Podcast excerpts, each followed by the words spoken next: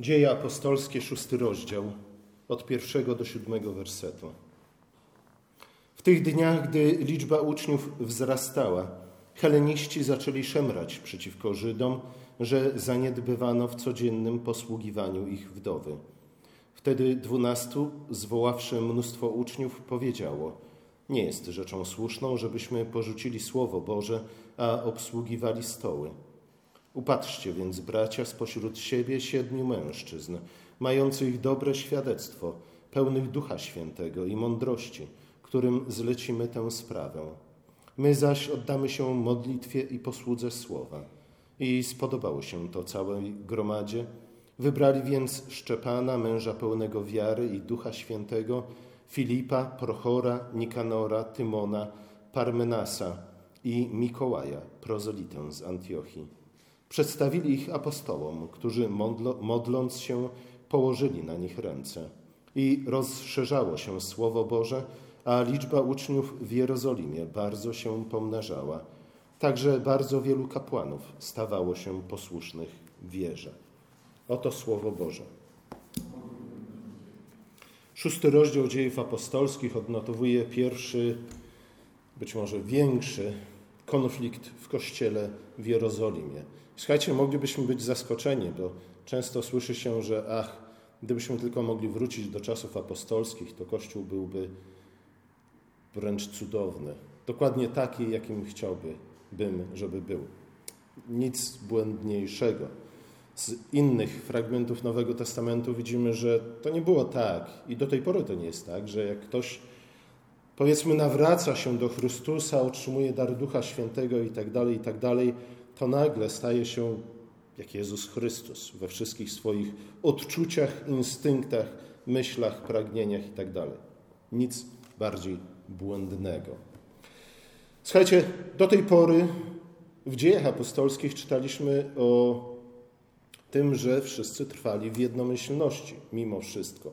Co prawda po drodze pojawił się niejaki Ananiasz i Safira, ale był to po pierwsze, chyba jednak mimo wszystko pojedynczy przypadek ludzi, którzy okazali się być skąpymi i obłudny, obłudnymi w kościele. Ale teraz Kościół musi zmierzyć się z praktycznym bardzo problemem. I nagle okazuje się, że Kościół nie jest tylko i wyłącznie zbiorem wyznawców Jezusa Chrystusa. Że nie jest tylko i wyłącznie zgromadzeniem ludzi, którzy po prostu dzielą wspólne zainteresowania teologiczne. Nie, nic również bardziej błędnego. Nagle okazuje się, że Kościół jest tu również organizacją, jest pewnego rodzaju instytucją, co koniec końców nie powinno nas za bardzo dziwić. Zaczęło się od tego, że mówiący po grecku i pochodzący z, gre z greckiego kręgu kulturowego chrześcijanie, w większości Żydzi, chociaż niektórzy również e, tak zwani prozelici, czyli nawróceni poganie, uznali, że ich wdowy są zaniedbywane przy codziennym podziale jałmużny. Słuchajcie, o wdowach czytamy bardzo wiele, zarówno w Nowym, jak i w Starym Testamencie. Pamiętamy, że w tamtych czasach nie było ZUS-u. W tamtych czasach utrzymaniem wdowy zajmowała się jej najbliższa rodzina. A jeśli jej nie było, to wdowami zajmowali się, zajmowała się wspólnota wiernych wyznawców, czyli synagoga. I najwyraźniej Kościół przejął od synagogi również te obowiązki. Słuchajcie, nie powinno nas dziwić to, że tak wiele było wdów i tak, wiele, tak często Nowy Testament wspomina właśnie kwestię wdów, e, z tego względu, że tak jak już mówiłem, zazwyczaj to najbliższa rodzina musiała zająć się wdową po tym, jak stała się wdową, po drugie, warto też pamiętać o tym, że wielu Żydów rozproszonych po całym terenie i nie tylko Imperium Rzymskiego już w starszym wieku przenosiło się do Jerozolimy, żeby tam umrzeć i tam być pochowanym. Jeżeli, że bliskość Jerozolimy, bliskość świątyni e, w jakiś sposób pomoże im, przynajmniej zaspokoi ich nostalgiczne sentymenty. W każdym razie przyjeżdżali do Jerozolimy, osiedlali się, a że w tamtych czasach i w tamtej kulturze żony zazwyczaj były dużo młodsze od mężów, a mężowie, nie tylko w tamtych czasach, ale również w dzisiejszych czasach, zazwyczaj umierają dużo wcześniej niż kobiety, E, więc nagle się okazywało, że w Jerozolimie i w okolicy było bardzo dużo wdów, zwłaszcza tych tak zwanych heleńskich, czyli Żydów, którzy przyjechali z różnych zakątków Imperium Rzymskiego, żeby osiedlić się w Jerozolimie i mamy problem. Po co zrobić z tymi wdowami? Trzeba się nimi zająć. Tego wymaga e, tak naprawdę chrześcijańska miłość, a wcześniej żydowska miłość tego wy, wymagała. Zatem w pierwszej tej wspólnocie chrześcijan w Jerozolimie było dużo wdów heleńskich. Tymi wdowami należało się zająć. Pojawił się praktyczny problem ze względu na to, że te wdowy były zaniedbane niestety przy codziennym podziale jałmużny. Także nie miały prawdopodobnie często co włożyć do garnka. Słuchajcie, był to jak najbardziej praktyczny problem. Nie różnice zdań dotyczące teologii.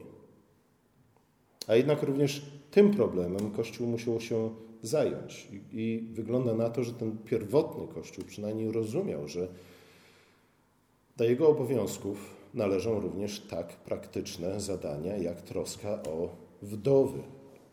Kościół uważał się w tamtych czasach przynajmniej za nowy Izrael, za lud Boży, za naród, moglibyśmy powiedzieć, za społeczeństwo, które wymaga również pewnych form organizacji życia wspólnego, a nie tylko spotykania się w niedzielę na nabożeństwie.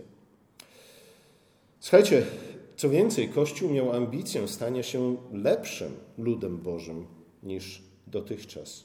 Lepszym, czyli w lepszy sposób zaspokajającym potrzeby na przykład wdów heleńskich.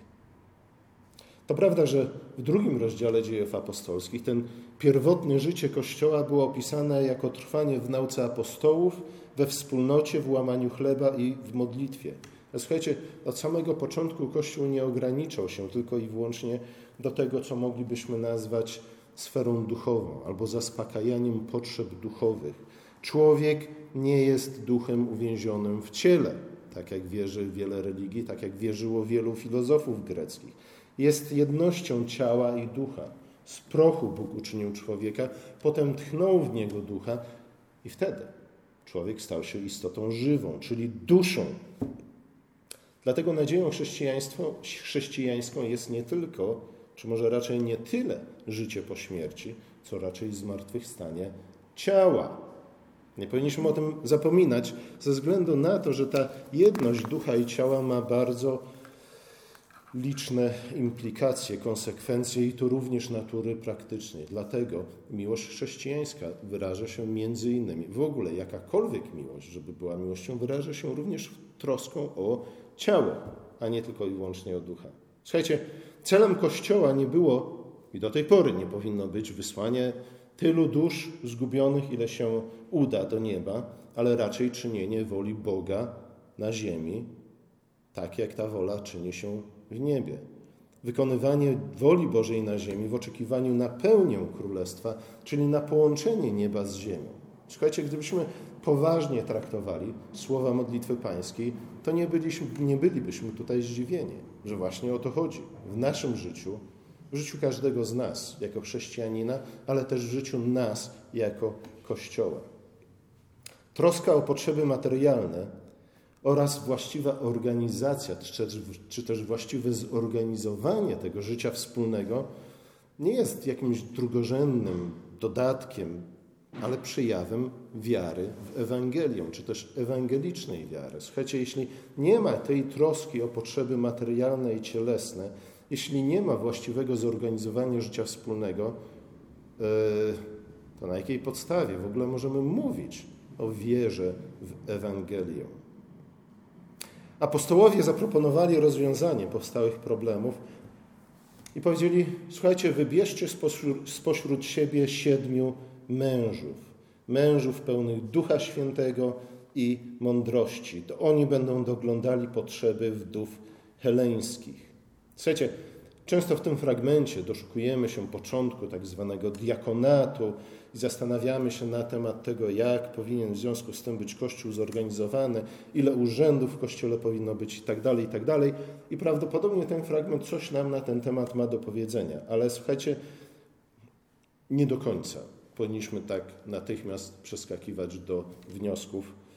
Powinniśmy się trochę wgryźć w ten tekst. Ciekawe jest to, że słowo greckie diakoneo, czyli posługiwanie, albo też służba, czy też służenie, użyte jest zarówno w odniesieniu do tych siedmiu, których y, chyba nie do końca słusznie nazywa się diakonami, jak również do posługi dwunastu, czyli apostołów.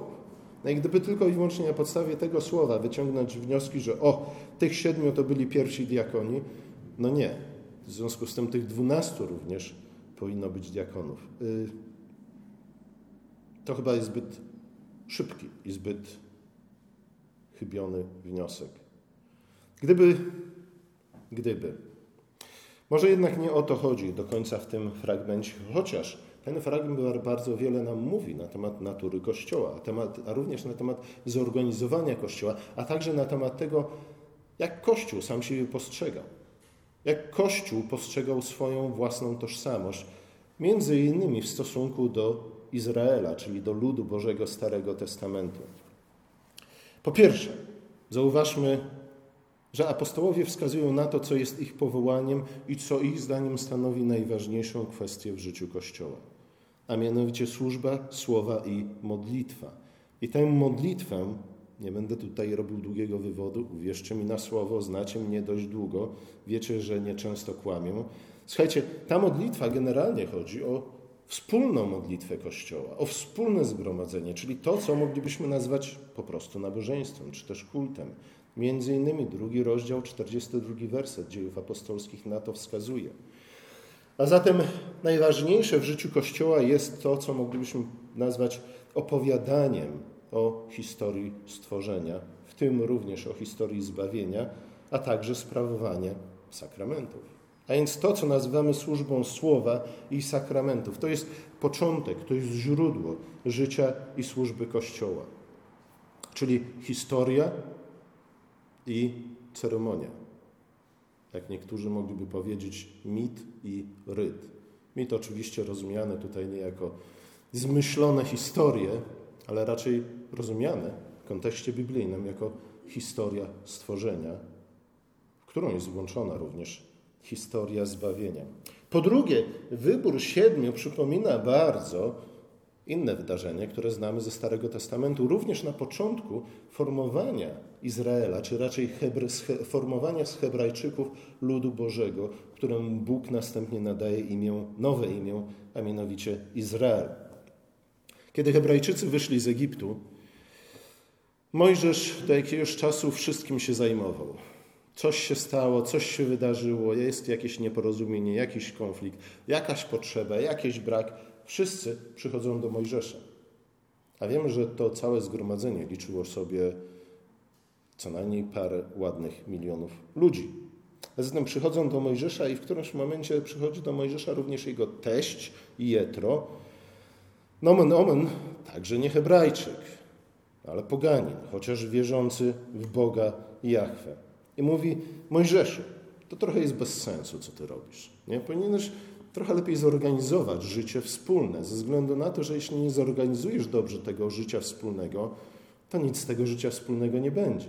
Nie? Bardzo szybko wy rozsypiecie się ponownie w bardzo wielką rzeszę klanów i nie za bardzo staniecie się jednym narodem. Każdy będzie ciągnął do siebie, bo wiadomo, że ciału zawsze jest bliższa koszula. I Możesz przyznał swojemu teściowi rację i powiedział: Rzeczywiście ten lud jest zbyt liczny, żebym sam nosił go na moich barkach. Nie mogę wszystkim się zajmować, gdyż wszystko zostanie prędzej czy później w ten sposób zaniedbane. Muszę skoncentrować się na tym, co najważniejsze, jako przywódca namaszczony przez Boga tego ludu na to, czego nikt inny nie jest w stanie zrobić. A doglądanie codziennego życia wspólnoty muszę powierzyć komuś innemu. I w tamtym przypadku wybrano nie siedmiu, ale siedemdziesięciu, chociaż wydaje mi się, że liczba nieprzypadkowo jest podobna. Wybrano siedemdziesięciu ludzi, których opis bardzo przypomina opis tych właśnie siedmiu z dziejów apostolskich. Oni również mieli być napełnieni Duchem Świętym i oni również mieli cechować się mądrością. Przy czym ta mądrość miała być nie tyle mądrością filozofów, którzy lubią mówić o rzeczach abstrakcyjnych, a niewiele związanych może z życiem codziennym. Raczej miała być to mądrość królewska, więc mądrość praktyczna, mądrość, którą moglibyśmy nazwać roztropnością, mądrość, o której bardzo wiele czytamy w księdze przysłów. Mądrość, która mówi nam o tym, że kartofle sadzi się kiedy? Nikt nie wie. Słuchajcie, jeśli nie posiadacie, posiadacie nawet tak prostych początków roztropności tej królewskiej mądrości, to może jednak nie powinniście zajmować się filozofią, ani pretendować do urzędu prezydenta Rzeczpospolitej, licząc na to, że skoro macie Jezusa w swoim sercu, to jak tylko zostaniecie prezydentem, to pełnia królestwa natychmiast nastanie, przynajmniej na terytorium Najświętszej Rzeczpospolitej. Słuchajcie, znów warto pamiętać, że ani wybór 70, ani wybór siedmiu nie były podyktowane tylko i wyłącznie bieżącymi potrzebami wynikającymi z tego, że po prostu żyjemy w ciele i musimy jeść, musimy pić, musimy gdzieś spać, musimy gdzieś się załatwiać i tak dalej, i tak dalej. Słuchajcie, nie tylko i wyłącznie o to chodzi. Od początku Pan Bóg powierzył człowiekowi pieczę nad stworzeniem. Człowiek miał być nie tylko zarządcą stworzenia, człowiek miał chronić i uprawiać, a zatem przemieniać stworzenie z chwały w chwałę, tak żeby ogród stał się w przyszłości świętym miastem Boga, połączeniem nieba i ziemi, który wypełni, które wypełni całe stworzenie. Człowiek, czy raczej właśnie społeczeństwo, bo również o tym mówi nam, mówią nam pierwsze rozdziały Pisma Świętego, że człowiek w pojedynkę nie jest w stanie zrobić nic. Nic dobrego przynajmniej.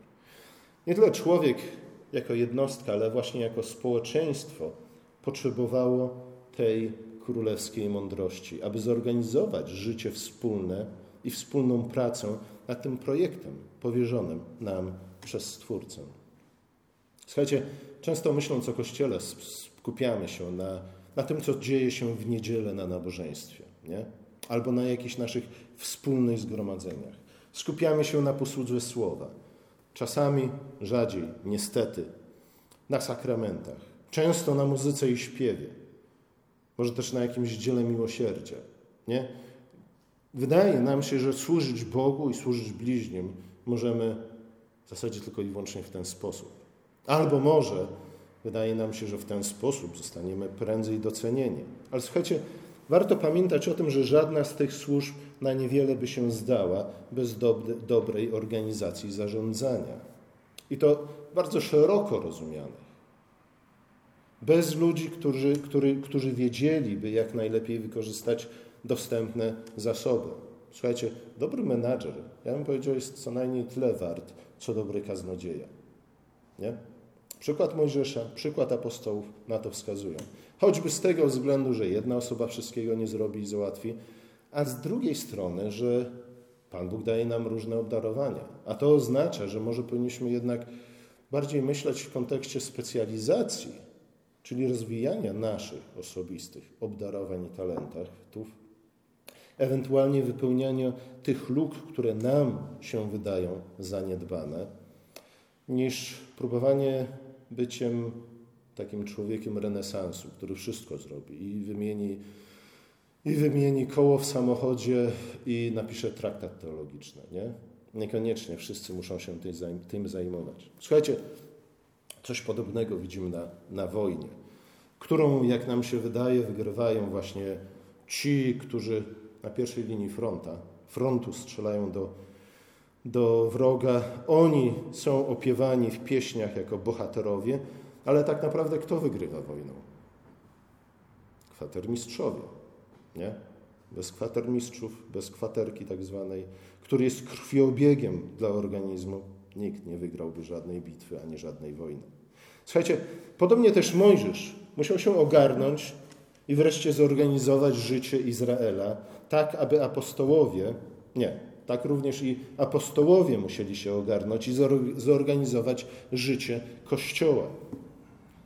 A to głównie z tego względu, że jak stwierdza Paweł, wiara musi wyrażać się w miłości. A jak przypomina nam prorok Ozeasz, miłość jest zawsze owocem sprawiedliwości. I tak naprawdę miłość może, jest, miłość może być tylko i wyłącznie owocem sprawiedliwości. Jeśli nie siejemy sprawiedliwości, nie ma miłości. Innymi słowy, jeśli nie zorganizujemy życia wspólnego we właściwy sposób, takiej wspólnocie nie będzie miłości. Będą westchnienia, będą wzdychania, ale nie będzie prawdziwej miłości. Nie będzie miłości, która przejawia się w czynie. Tak jak słyszeliśmy na dzisiejszych pozostałych czytaniach z Pisma Świętego. To oznacza, że bez sprawiedliwego, bez roztropnego, bez mądrego, ale w sposób ten królewski mądrego, bez tak zorganizowanego, zorganizowanego życia Kościoła trudno mówić nawet nie tylko o miłości, ale nawet o jakiejkolwiek wierze, ze względu na to, że ta wiera nie przejawia się w miłości, tej praktycznej miłości, miłości, która jest owocem sprawiedliwości. Kościół to nie przypadkowa grupa ludzi, a nawet to nie grupa ludzi, którzy mają podobne zainteresowania, coś w podobny sposób myślą na temat teologii, życia itd. Tak itd. Tak to, to nie są ludzie, którzy spotykają się w niedzielę po to, żeby sobie porozmawiać o tym czy o tamtym, o teologii czy też o polityce. Kościół to zalążek świętego miasta Boga, czyli pewna forma zorganizowania życia wspólnego. Jako właśnie miasto Boga, Kościół ma górować nad innymi formami zorganizowania życia wspólnego. Bo jeśli tak nie jest, to znaczy, że nie spełnia swojego powołania. Trzecie, po co tworzyć coś, co moglibyśmy w pewnym sensie nazwać alternatywnym społeczeństwem, jeśli ono w, żaden, w żadnym wymiarze i w żadnej mierze nie jest lepsze od dotychczasowego. Może wtedy tak naprawdę tworzymy je tylko i wyłącznie po to, żeby zaspokoić własne ambicje, żeby kolejne osoby mogły zostać liderami tego czy owego nie? i poczuć się ważnymi. Zwłaszcza, słuchajcie, dużo by o tym można mówić, ale nie o to chodzi. Nie o to chodzi. Jeśli nasza forma zorganizowania życia wspólnego nie jest w niczym lepsza od innych form zorganizowania życia wspólnego, to po prostu to, co organizujemy, nie ma żadnej racji bytu. Słuchajcie, mamy być lepszym miastem niż miasto Kaina i Lameka.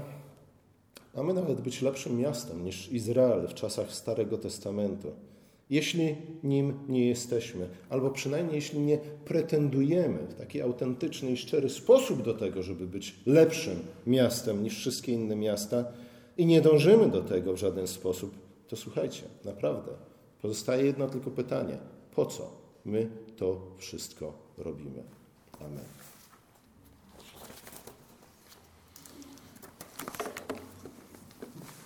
Powstańmy.